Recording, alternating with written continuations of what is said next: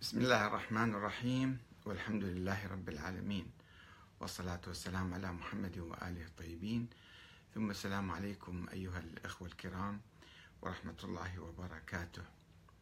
الفكر الأشعري القدري عامل كبير ومن عوامل انحطاط المسلمين. هل لا يزال أهل السنة مؤمنين بهذا الفكر وملتزمين به أم هم اليوم أقرب إلى المعتزلة منهم إلى الأشعرية؟ بعد أن قام الفكر السياسي السني بتغييب الأمة الإسلامية وإبعادها عن المشاركة السياسية روج لثقافة استسلامية لعبت دورا كبيرا عبر التاريخ في إشاعة روح الخنوع أمام الطغاة وهي الثقافة التي عرفت بعقيدة القدر أو الجبر التي قامت القنوات السنية التي اعتمدت بشكل واسع على الحديث بنقلها وتكريسها كأهم ملامح العقيدة السنية الحنبلية. وهي ثقافة مناقضة لروح الثقافة القرآنية الحية التي كان يتمتع بها المسلمون في الصدر الأول. فقد آمن الإمام أحمد بن حنبل وأهل الحديث بنظرية الجبر من خلال إيمانهم وتصديقهم بالأحاديث التي انتشرت في العهد الأموي والتي كانت تتحدث عن القدر بصورة تعني الجبر. واعتبروا ذلك ركنا من أركان السنة.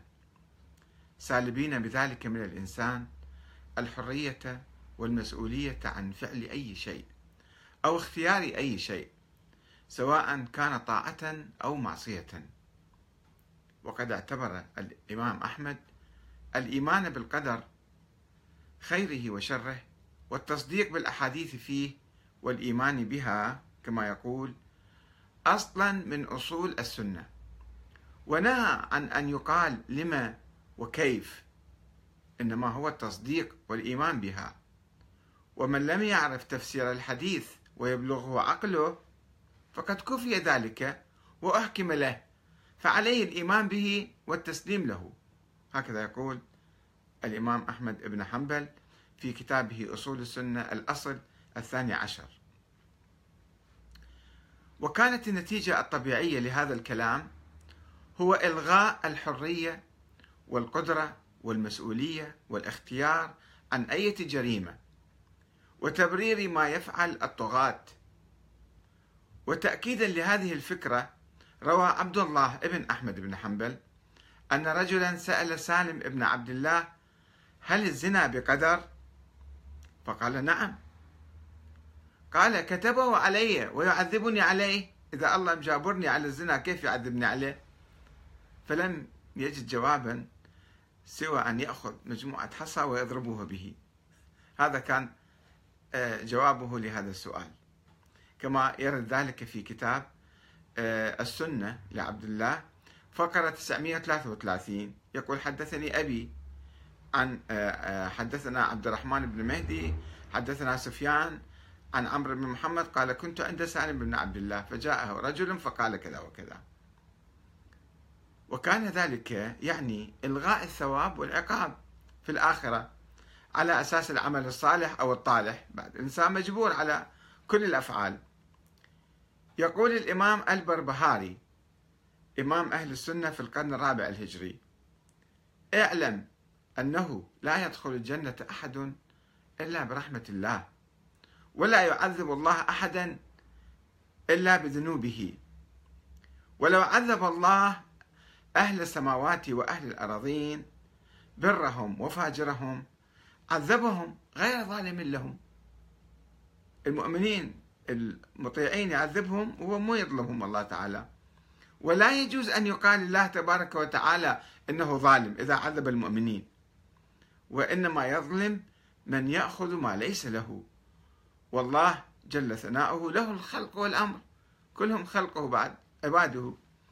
والخلق خلقه والدار داره. لا يسأل عما يفعل وهم يسألون. ولا يقال لما وكيف. لا يدخل أحد بين الله وخلقه. هذه مسألة منتهية. يعني لا الطاعة تدخلنا بالجنة ولا المعصية تدخلنا بالنار. في كتاب الإمام البربهاري شرح السنة صفحة 27 ولما كان هذا المنطق يتعارض مع جوهر الإسلام الذي يقوم على فكرة الإيمان بالله تعالى واليوم الآخر والعمل الصالح. إذا ماذا يعني العمل الصالح؟ إذا كان الله لا يدخل الصالحين والمؤمنين في الجنة. آه، لم يجد أهل الحديث يعني السنة إلا النهي عن الكلام والجدل والخصومة في القدر. اسكتوا ما حد يبحث هذا اللي وردنا. هذا اللي وصلنا. وعليكم أن تدخلوا بعقولكم وتنتهون. كما يقول البربهاري يقول لأن القدر سر الله وقد نهى الرب تبارك وتعالى الأنبياء عن الكلام في القدر ونهى رسول الله صلى الله عليه وآله عن الخصومة في القدر وكرهه أصحاب رسول الله والتابعين مسألة غير مفهومة غير معقولة فلا أحد يتحدث فيها. وكرهه العلماء وأهل الورع ونهوا عن الجدال في القدر. يعني في الشيء مو معقول بس مع ذلك ممنوع تتكلم فيه ممنوع تسأل. فعليك بالتسليم والإقرار والإيمان. واعتقاد ما قال رسول الله في جملة الأشياء وتسكت عما سوى ذلك. هذا يقول في كتابه شرح السنة صفحة 28 يعني هو ما راح يبحث الأحاديث صحيحة ولا مو صحيحة لا عند الأحاديث مسلمة. وبالتالي يبني عليها هذا الموقف. نجي للقرن الخامس. روى إمام أهل السنة في القرن الخامس هبة الله ابن الحسن ابن منصور الطبري اللالكائي عن سفيان الثوري أنه قال لا ينفعك الذي كتبت حتى تؤمن بالقدر خيره وشره وحلوه ومره. كل من عند الله عز وجل. ونقل عن سفيان بن عيينة أن السنة عشرة عشرة أجزاء.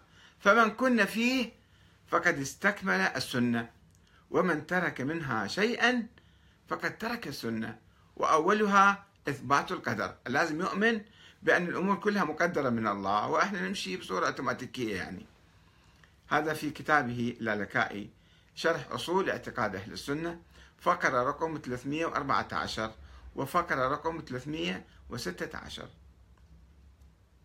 هذول القدريون القدريون مقابل المعتزلة اللي أيضا يعرفون بالقدريين بس بمعنى معاكس يعني.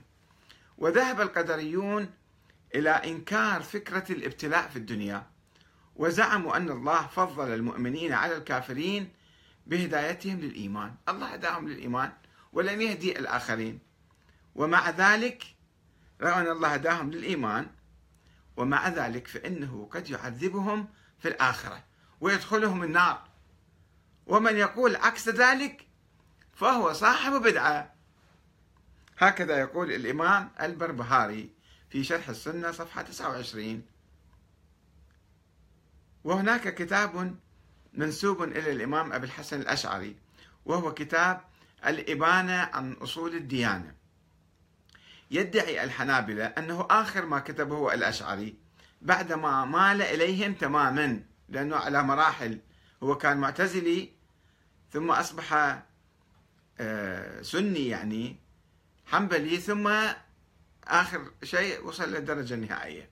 فكتب هذا الكتاب وينفي صحته الأشاعرة. الأشاعرة مو مثل الحنابلة شوية درجة يعني أعلى منهم باحترام العقل فيقولون لا هذا كتاب موضوع على الإمام الأشعري. على أي حال ماذا يوجد في هذا الكتاب؟ يقول فيه إن الله وفق المؤمنين لطاعته. الله وفقهم. مو هم راحوا وصاروا مؤمنين. الله وفقهم. ولطف بهم ونظر إليهم وأصلحهم وهداهم. الله الله أراد ذلك. في نفس الوقت أضل الكافرين ولم يهدهم ولم يلطف بهم بالإيمان كما زعم أهل الزيغ والطغيان. ولو هداهم لكانوا مهتدين. مو بكيفهم صاروا كافرين. الله ما هداهم.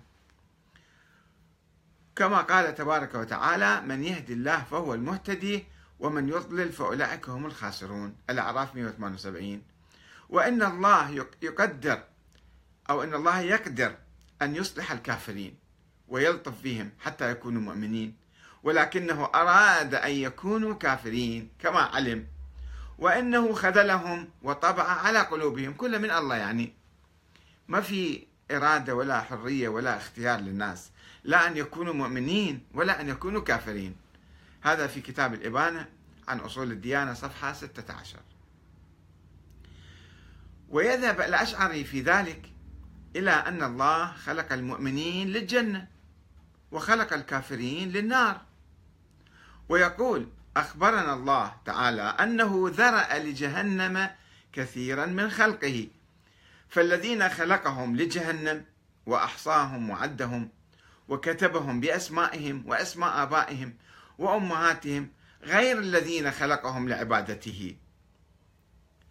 وجاء في الخبر أن المنافقين يجعل في أصلابهم أو يجعل في أصلابهم كالصفائح فلا يستطيعون السجود.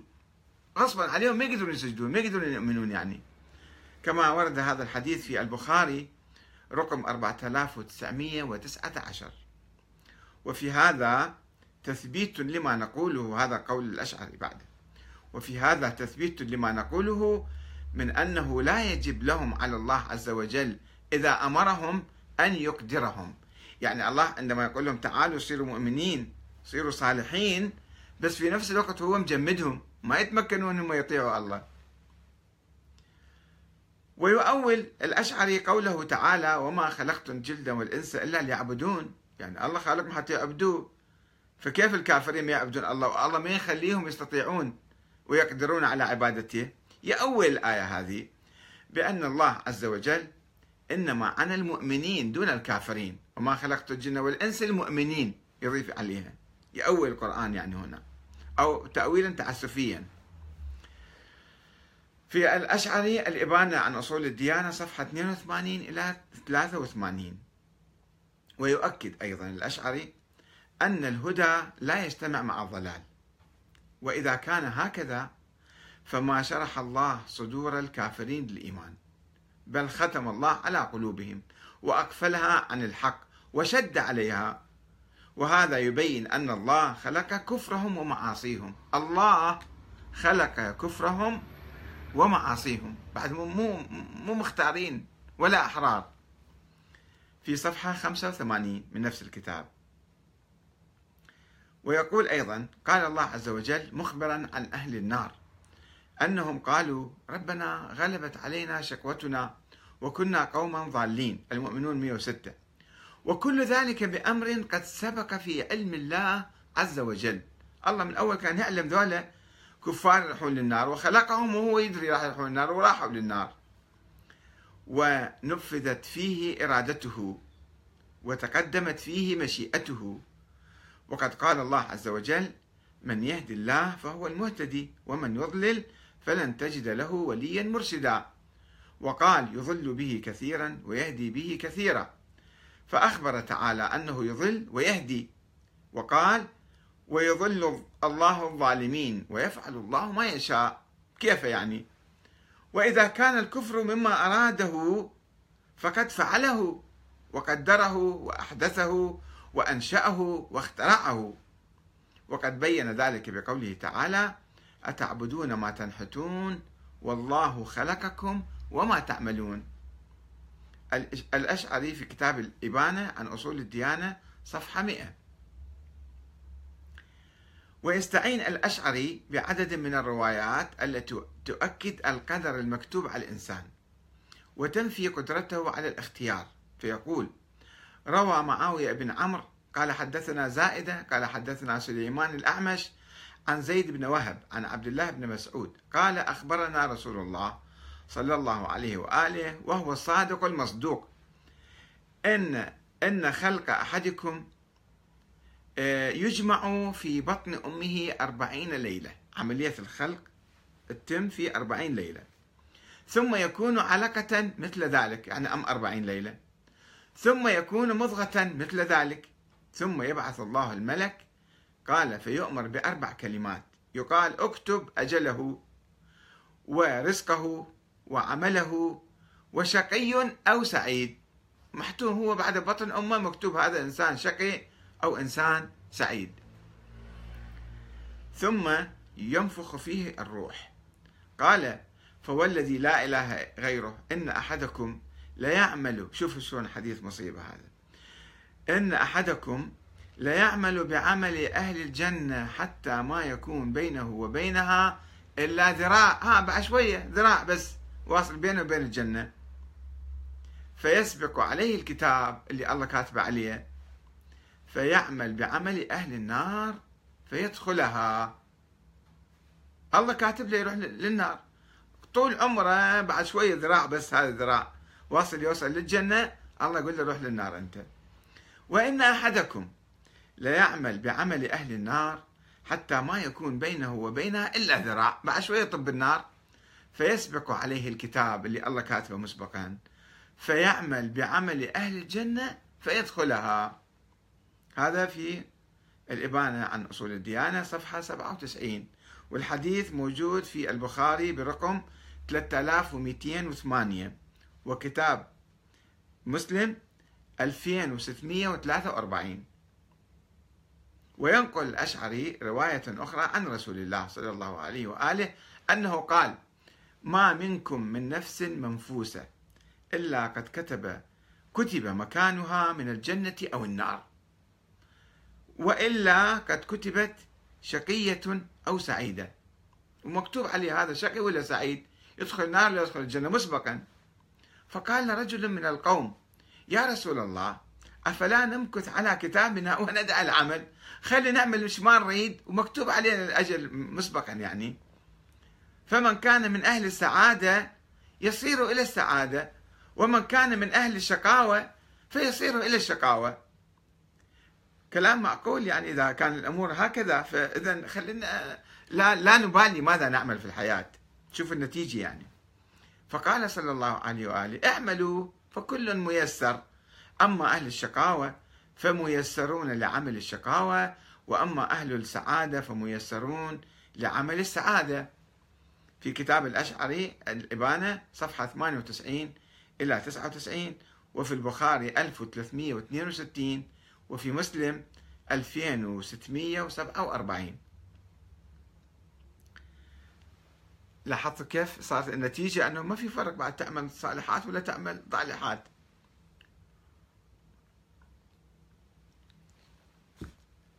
هاي من عوامل انحطاط المسلمين حقيقة تدمير الأمة الإسلامية. وقد روى البخاري ومسلم عن أبي هريرة. حديث احتجاج آدم وموسى. آدم وموسى اجتمعوا مع بعض وصاروا يتجادلون يحج بعضهم بعضا. قال قال رسول الله صلى الله عليه وسلم احتج آدم وموسى عند ربهما. فحج آدم موسى. آدم غلب موسى. قال موسى ماذا قال موسى له؟ قال موسى أنت آدم الذي خلقك الله بيده ونفخ فيك من روحه وأسجد لك ملائكته وأسكنك في جنته ثم أهبطت الناس بخطيئتك إلى الأرض بعدين جبتني لهذه الدنيا. فقال آدم أنت موسى الذي اصطفاك برسالته وبكلامه وأعطاك الألواح فيها تبيان كل شيء وقربك نجيا فبكم وجدت الله كتب التوراة قبل أن أخلق. الله كاتب التوراة قبل ما آدم يخلق. فسأله أنت كم سنة تعرف أنه هاي التوراة كتبت قبل أن أخلق أنا؟ قال موسى بأربعين عاما. بس ما أدري منين عرف أربعين عاما. قال آدم فهل وجدت فيها؟ وعصى آدم ربه فغوى. طبعا هاي بالقرآن موجودة بالتوراة ما موجودة. قال نعم. قال أفتلومني على أن عملت عملا كتبه الله علي أن أعمله قبل أن يخلقني بأربعين سنة. الله كاتب لي أنه أنا أعصي فعصيت بعد مو بيدي أنا مجبور. قال رسول الله فحج آدم موسى. يعني بالقدر حج بعد موسى ما يعرف يتكلم. هذا البخاري ومسلم. كتاب القدر الجزء الخامس صفحة 507 هاي القصة يرويها البخاري. وشوفوا شلون يعني منو كان يبثها ومنو كان ينشرها. وحكى إسماعيل بن عبد الرحمن الصابوني توفى سنة 449 هذا. بسنده أن أبا معاوية الضرير واحد كان محدث حدث الرشيد بحديث أبي هريرة حول القدر واحتجاج آدم وموسى. فاليوم قاعد مع هارون الرشيد وهارون الرشيد كان يشجع على رواية الأحاديث ويعطي فلوس عليها كل واحد يجيب له حديث يعطيه دينار. عندما تحدث في المجلس اعترض أحد الحاضرين قائلا كيف هذا؟ وبين آدم وموسى ما بينهما مئات وآلاف السنين. فوثب به هارون. هارون غضب وهجم عليه. وقال يحدثك عن رسول الله. صلى الله عليه وآله. وتعارضه وتعارضه بكيف أنت يعني ترد الحديث بكيف شلون يصير. هذا آه، يذكر صابوني في عقيدة السلف. عند كتاب اسمه عقيدة السلف صفحة 320 بس ما يجيب القصة كلها. القصة كلها من يرويها ابن كثير. قائلا إن الرشيد غضب من ذلك غضبا شديدا. وقال أتعترض على الحديث؟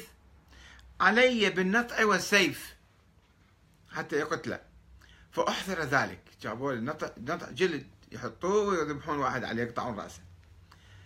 فقام الناس إليه يشفعون فيه. يا معود على كيفك هذا ما قال شيء. فقال الرشيد هذه زندقة. أنت تفكر بالحديث وترد الحديث كأنه الآية قرآنية الحديث هذا. أنت كيف ترده فأنت زنديق. أنت صرت كافر يعني. ثم أمر بسجنه. قال طيب الآن من قتله خلينا نسجنه. وأقسم أن لا يخرج من السجن حتى يخبره من ألقى إليه هذا. من قال لك أنت؟ تعال قول كيف. سؤال واحد كيف؟ من علمك؟ فأقسم ذلك الرجل بالأيمان المغلظة. ما قال هذا له أحد. وإنما كانت هذه الكلمة بادرة منه وأنه يستغفر الله ويتوب إليها منه. فأطلقه. هذا ابن ابن كثير في البداية والنهاية الجزء العاشر صفحة 215 يكمل القصة أنه شو صار بذاك الرجال. آه، الصابوني ما يذكر فقط يذكر الحديث قال له غضب عليه هارون الرشيد. وعلق الصابوني بعد إراده تلك القصة. يقول هكذا ينبغي للمرء أن يعظم أخبار رسول, رسول الله صلى الله عليه وآله ويقابله بالقبول والتسليم والتصديق مثل هارون الرشيد. وينكر أشد الإنكار على من يسلك فيها غير هذا الطريق الذي سلكه هارون الرشيد رحمه الله مع من اعترض على الخبر الصحيح الذي سمعه بكيف اعترض بكيف خبر صحيح هذا صار 100% يعني.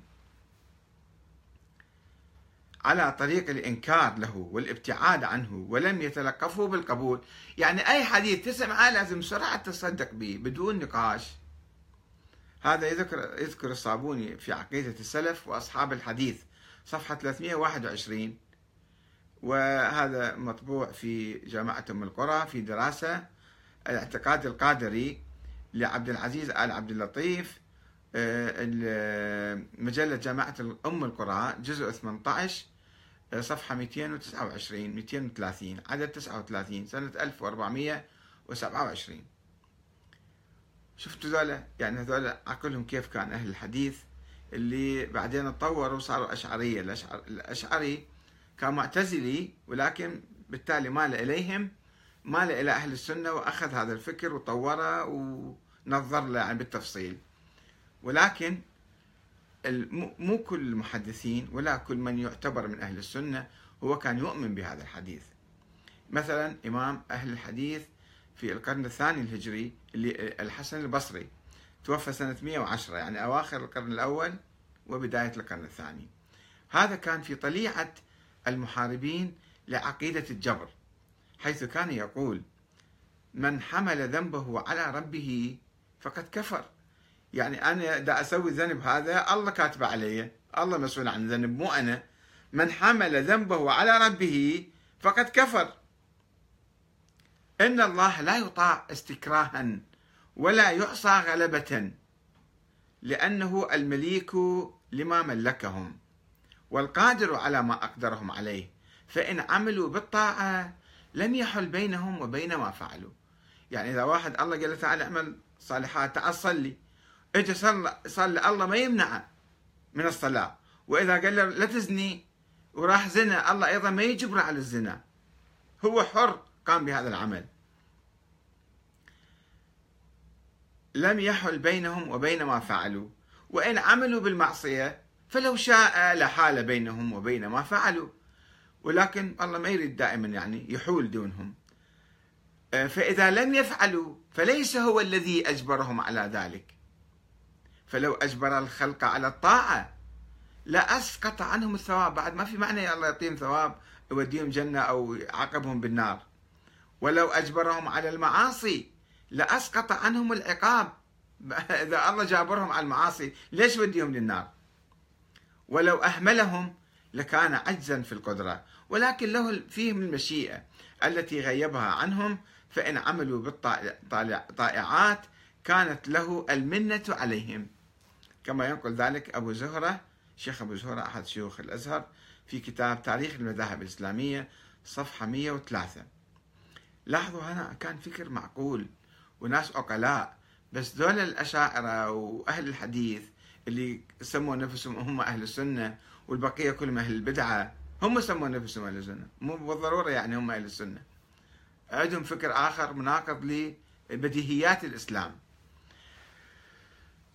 هذا الإمام آه، الحسن البصري سئل يوما أن هؤلاء الملوك شوفوا كان الجو العام كيف كان في العهد الأموي. هم كانوا يبثونها الأفكار الجبرية.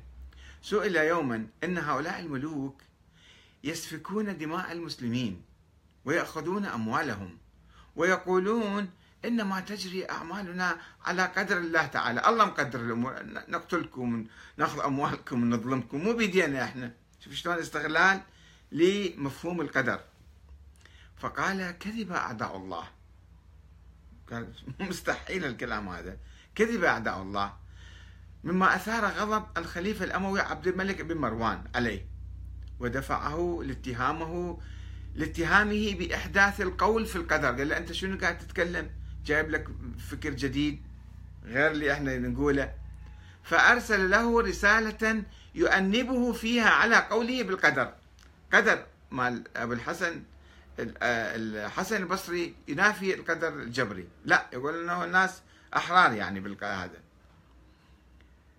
وجاء فيها هذا عبد الملك كتب له رسالة جاء فيها. قد بلغ أمير المؤمنين عنك قول في وصف القدر. لم يبلغه مثله عن أحد ممن مضى ولا نعلم أحدا تكلم به ممن أدركنا من الصحابة رضي الله عنهم. كان بلغ أمير المؤمنين عنك آه، وقد كان أمير المؤمنين يعلم منك صلاح حالك وفضلا في دينك ودراية في الفقه وطلبا له وحرصا عليه. أنت خوش آدمي يعني شلون قاعد تتكلم بهالشكل هذا؟